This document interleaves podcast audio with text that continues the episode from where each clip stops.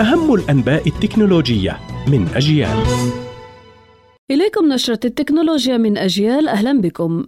الحكومة الأمريكية تحقق بشأن رقائق متقدمة مثبتة داخل أحدث هاتف ذكي تصدره شركة هواوي الصينية وتسعى واشنطن للحصول على مزيد من المعلومات بشأن معالج بدقة nanometers.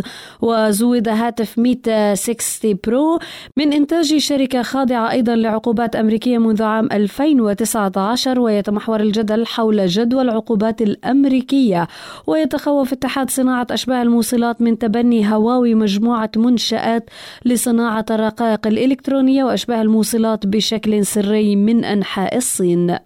في خطوة مفاجئة طرحت سامسونج النسخة التجريبية الأولى من تحديث نظام التشغيل 1 يو اي 6 لهاتف Galaxy A45 أفضل هواتفها في الفئة المتوسطة قبل أن توفره للإصدارات الراقية مثل سلسلة S 22 ويتيح التحديث تجربة نظام أندرويد 14 الجديدة وميزات مثل تصميم اللوحة السريعة Quick Panel وتحسينات في الأداء واستهلاك الطاقة وإدارة المهام وخيارات جديدة في التطبيقات الأساسية. خدمة البريد الإلكتروني من جوجل جيميل تختبر ميزة جديدة تمكن المستخدمين من التفاعل مع الرسائل بالاستعانة بالوجوه التعبيرية ويجري الآن اختبار الميزة لدى عدد محدود ومختار من المستخدمين.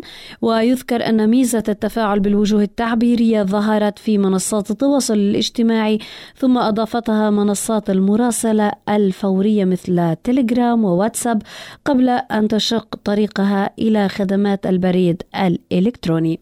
المدير التنفيذي لشركة ميتا يعلن أن منصة Threads بدأت إطلاق ميزة البحث بعد أيام من إطلاق نسخة الويب من التطبيق وتتيح الميزة البحث في منشورات المنصة بناء على كلمة رئيسية محددة وكان سابقا البحث متاح عن المستخدمين فقط. هذا ما كان لدينا في نشرة التكنولوجيا من أجيال. قرأتها عليكم ميسم البرغوثي. إلى اللقاء.